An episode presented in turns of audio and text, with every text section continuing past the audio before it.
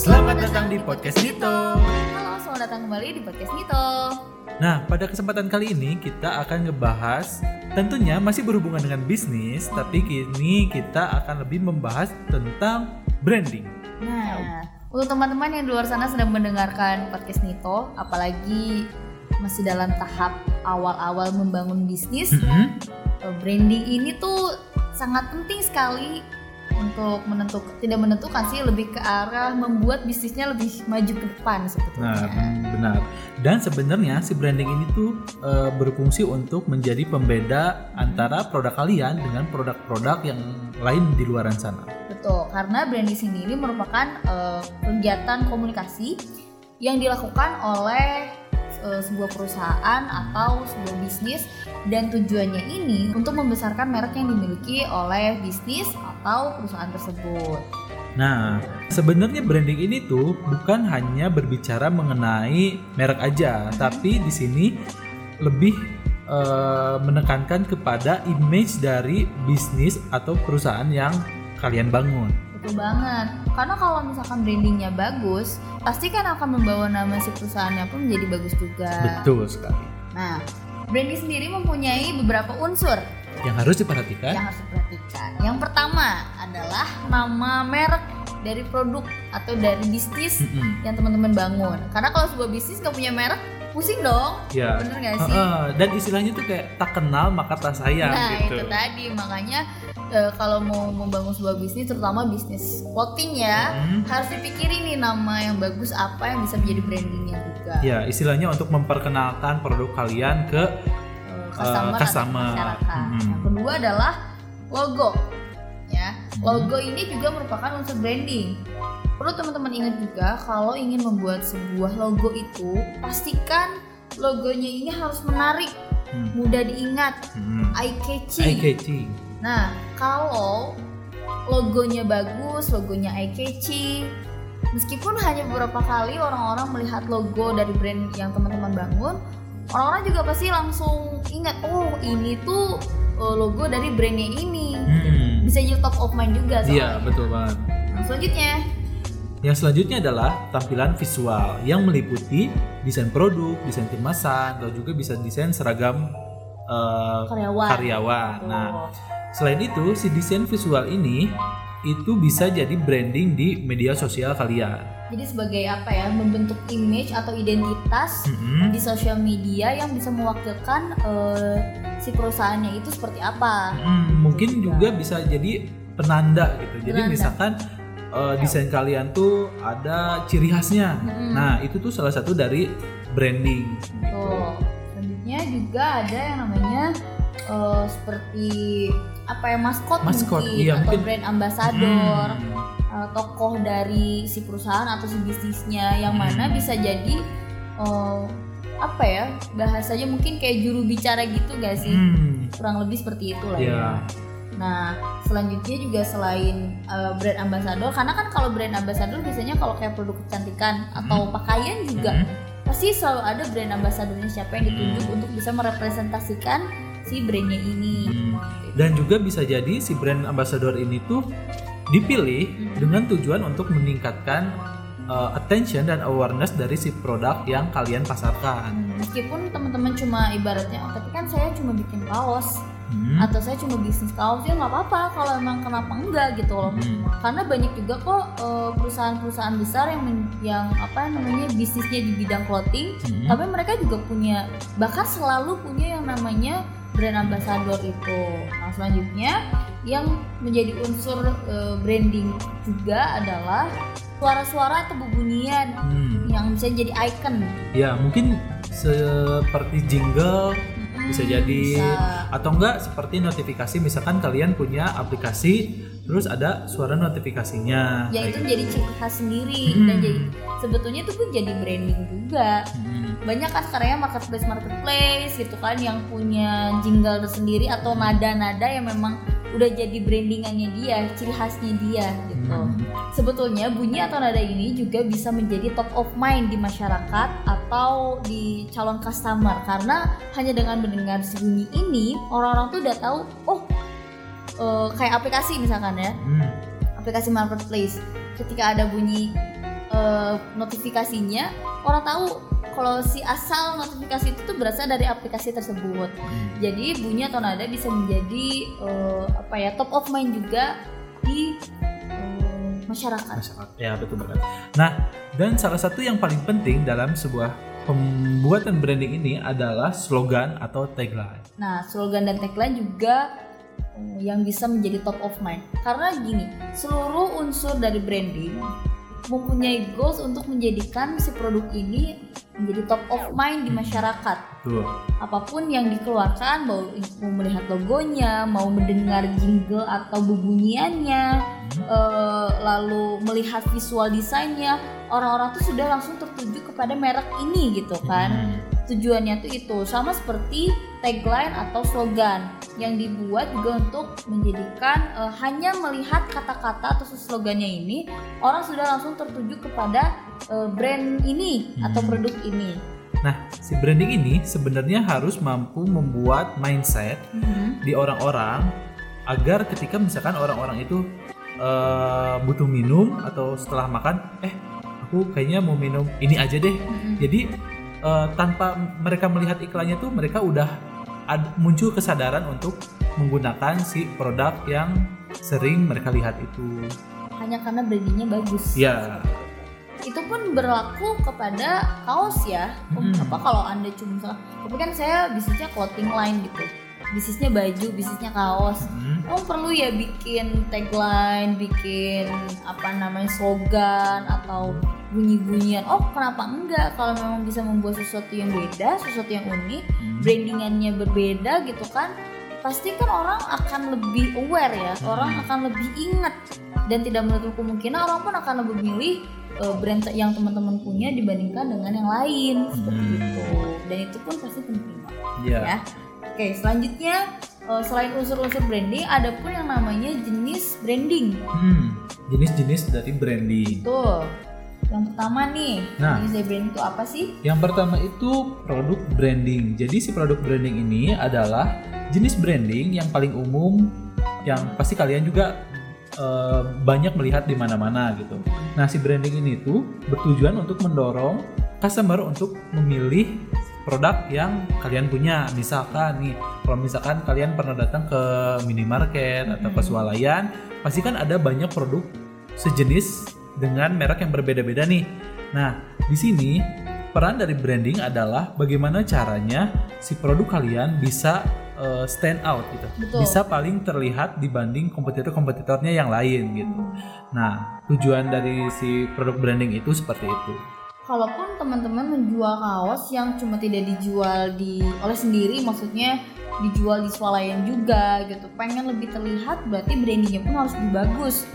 Entah mungkin desain produknya yang harus lebih kece gitu kan supaya orang ketika baru lihat oh ini desainnya lucu nih desainnya bagus pasti sudah langsung tertuju kepada kaos teman-teman pada saat baru datang aja kaos teman-teman itu sudah mencuri perhatian sehingga berarti brandingnya berhasil dong Bener. orang akan langsung pilih nggak akan langsung nggak akan mikir dua kali lah ibaratnya seperti itu yang selanjutnya dari jenis branding juga ada yang namanya personal branding tapi kalau personal branding di sini lebih banyak eh, digunakan dan berpengaruh di kalangan public figure sebetulnya Hmm. seperti artis, musisi, politisi dan lainnya Selebgram. mungkin. selebgram mungkin dan lain-lain ya karena eh, jika personal branding dari seseorang itu berhasil biasanya masyarakat akan lebih mudah mengenal dan akan mempunyai pandangan tersendiri terhadap si public figure ini Hmm. kalau memang sudah seperti itu berarti ya personal brandingnya udah berhasil Iya, jadi mungkin di sini pe- personal branding ini tuh tujuannya tuh untuk membangun karakter betul dari sesosok gitu ya. Hmm. Nah, selanjutnya adalah corporate branding. Corporate branding ini apa sih? Nah, corporate branding ini semua aspek yang terlibat dalam sebuah bisnis mulai dari produk atau jasa yang ditawarkan sampai ke kontribusi dari para pekerja bisnis tersebut mempunyai andil yang besar dalam corporate branding ini. Nah, jadi branding ini tuh sangat penting untuk membangun reputasi bisnis di pasar. Dan selanjutnya adalah destination branding. Tujuan dari destination branding ini adalah untuk mengenalkan produk atau jasa ketika suatu lokasi atau nama kota atau negara itu disebutkan. Ini saya punya contoh ya. Misalnya saya nyebutin eh, Palembang Hmm. Yang ada di kepala kamu yang langsung diinget tuh apa? Hmm, pempek. Pempek kan? Mm-mm. Karena pempek adalah makanan khas yang juga memang berasal dari Palembang, Palembang, iya seperti betul. itu. Jadi otomatis juga nanti ketika misalkan kita tahu nih ada salah satu brand besar Mm-mm. di Palembang, eh, maksudnya brand besar pempek ya di Palembang yang paling terkenal dan rasanya enak, pasti itu juga yang akan ikut teringat dan terbawa. Nah ini tujuan dari si destination branding. Dan untuk kemungkinan lo kepakaian juga misalkan kalau kita pergi ke Yogyakarta apa yang diingat? Batik. ya kan? Karena memang brandingannya seperti itu. Kalau pergi ke Jogja pasti nyarinya batik. Nah kalau ke Bandung orang-orang juga pasti ingat mungkin kayak peyem atau makanan-makanan lainnya. Dan tidak menutup kemungkinan juga dengan menggunakan si uh, jenis destination branding ini, Anda bisa apa ya seperti membangun uh, brandingnya untuk produk anda juga. Hmm, supaya nah. ketika diingat oh kalau Bandung oh ini beli ini aja gitu. Beli kaos di ini deh gitu. Nah, contohnya kayak gini, misalkan kalian eh, tinggalnya di daerah pesisir gitu, pesisir pantai. Nah, kalian mau bikin usaha kaos. Nah, mungkin bakal lebih bagus kalau misalkan si kaos kalian itu bernuansa pantai. betul Misalkan ada gambar yang lagi eh, Surfing. surfing dan lain-lain gitu. Nah, itu salah satu hal yang bisa kalian angkat di eh, bisnis kaos kalian. Tuh, ya itu dia beberapa jenis dari branding ya. Yang mungkin teman-teman perlu tahu sebagai ya bahan pembelajaran aja lah ya. Nah, kalau untuk dari fungsi dan tujuan branding tersendiri pastinya juga beda nih. Hmm. Ya nggak sih? Apalagi untuk sebuah bisnis.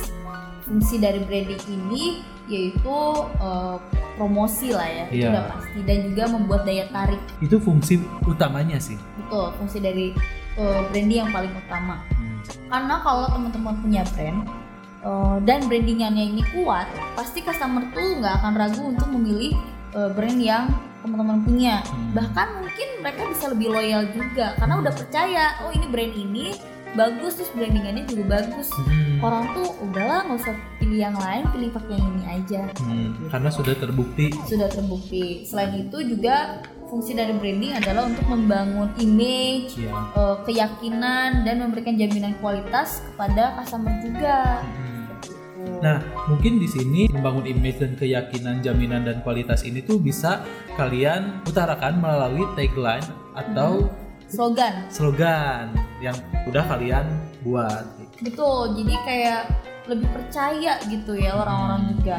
Nah, kalau teman-teman membuat sebuah produk, brandingannya pun sudah sangat kuat. Masyarakat pasti akan lebih mudah mempercayai dan apa pun produk yang eh, brand teman-teman keluarkan ke pasaran, mereka pasti sudah langsung udahlah percaya ini langsung beli aja karena kita yakin ini bagus. Dan itu pun terjadi ke eh, contohnya adalah Apple mungkin ya. Apa pun yang Apple keluarkan, orang tuh udah percaya ini pasti bagus dan punya high quality. Orang pasti langsung beli. Nah, itu adalah salah satu efek dari branding yang kuat yang bisa mengendalikan pasar. Dan mungkin bisa jadi kayak gini, ketika kalian udah bikin bisnis kaos dan udah cukup banyak penjualannya dan ketika kalian mengeluarkan misalkan produk sepatu atau tas, maka orang-orang yang udah loyal, orang-orang yang udah benar-benar jadi customer setia kalian tuh nggak akan mikir dua kali lagi, pasti mereka akan membeli produk kalian. Betul. Fungsi dari branding yang terakhir adalah sebagai pembeda. Kalau teman-teman berhasil membangun branding yang kuat, ya pasti akan membuat customer eh, dan masyarakat lebih mudah membedakan nih antara brand teman-teman dengan produk dari kompetitor yang lain yang juga mungkin menjual atau eh, menawarkan produk yang sama salah satunya kaos. Teman-teman membuat sebuah brand kaos dan eh, produknya ini sangat apa ya eh, berbeda lah dengan orang lain. Pasti ketika ada satu customer A ingin membeli kaos dan dia sudah membandingkan antara dua produk yaitu produk dari brand teman-teman dan produk yang lain dari kompetitor yang sebenarnya mungkin menawarkan eh, jenis kaos yang sama. Tapi karena brandingannya berbeda tampilannya berbeda maka dia eh, si customer A ini akan lebih mudah untuk membedakannya. Oh yang ini sih dia lebih ini kelihatannya lebih bagus kelihatannya lebih ini dan lain-lain seperti itu. Jadi fungsi dari eh, brandingnya juga bisa sebagai pembeda. Dan yang terakhir adalah tujuan branding.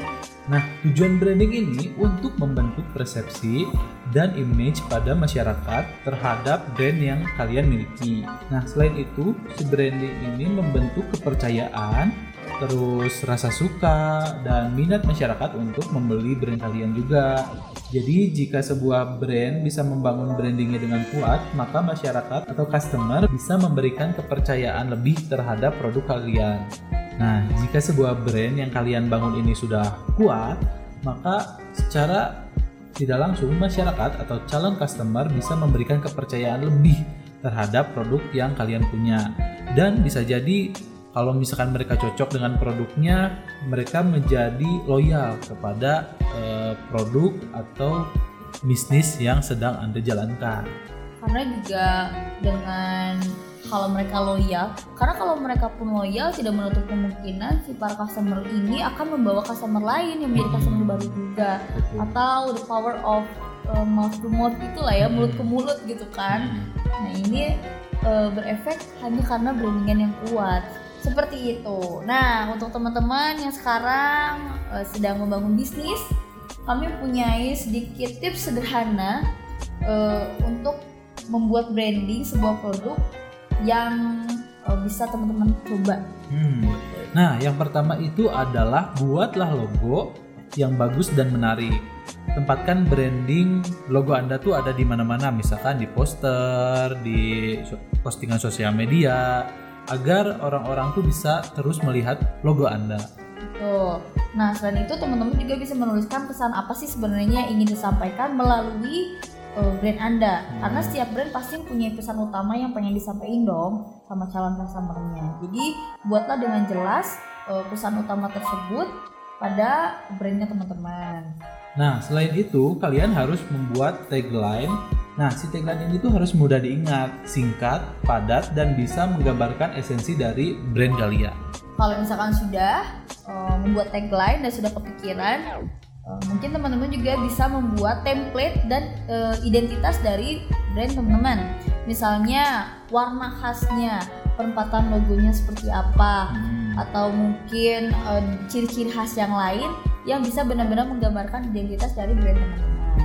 Selain itu, teman-teman pun harus jujur nih sama brand yang teman-teman bangun. Maksudnya gimana sih jujur terhadap brand itu? Kalau misalkan teman-teman menjanjikan brand kami ini oh, kualitasnya nomor satu, kualitasnya premium, harganya murah. Oh, kalau apa kalau jual kaos gitu ya, misalkan kaosnya tidak luntur dan lain-lain. Eh, kalau hanya janji yang dikasih tapi tidak ditepati, pasti customer pun akan merasa kayak, wah ini bohong nih gitu kan, tidak jujur terhadap brand. Dan ini pun eh, akan mempengaruhi minat dari customer terhadap brandnya kalian.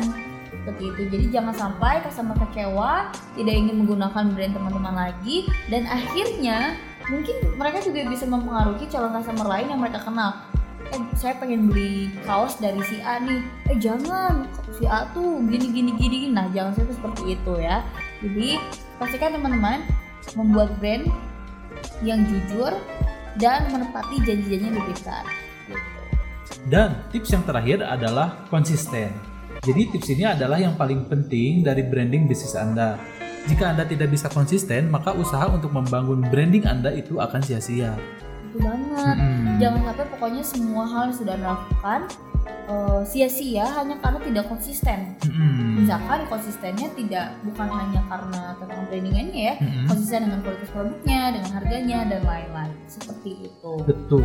Oke, terima kasih sudah mendengarkan podcast kami kali ini tentang branding. Semoga bermanfaat informasi yang kami bagikan Hmm. dan semoga eh, tips-tips yang kami berikan ini bisa Anda aplikasikan ke bisnis clothing yang Anda bangun juga. Iya betul.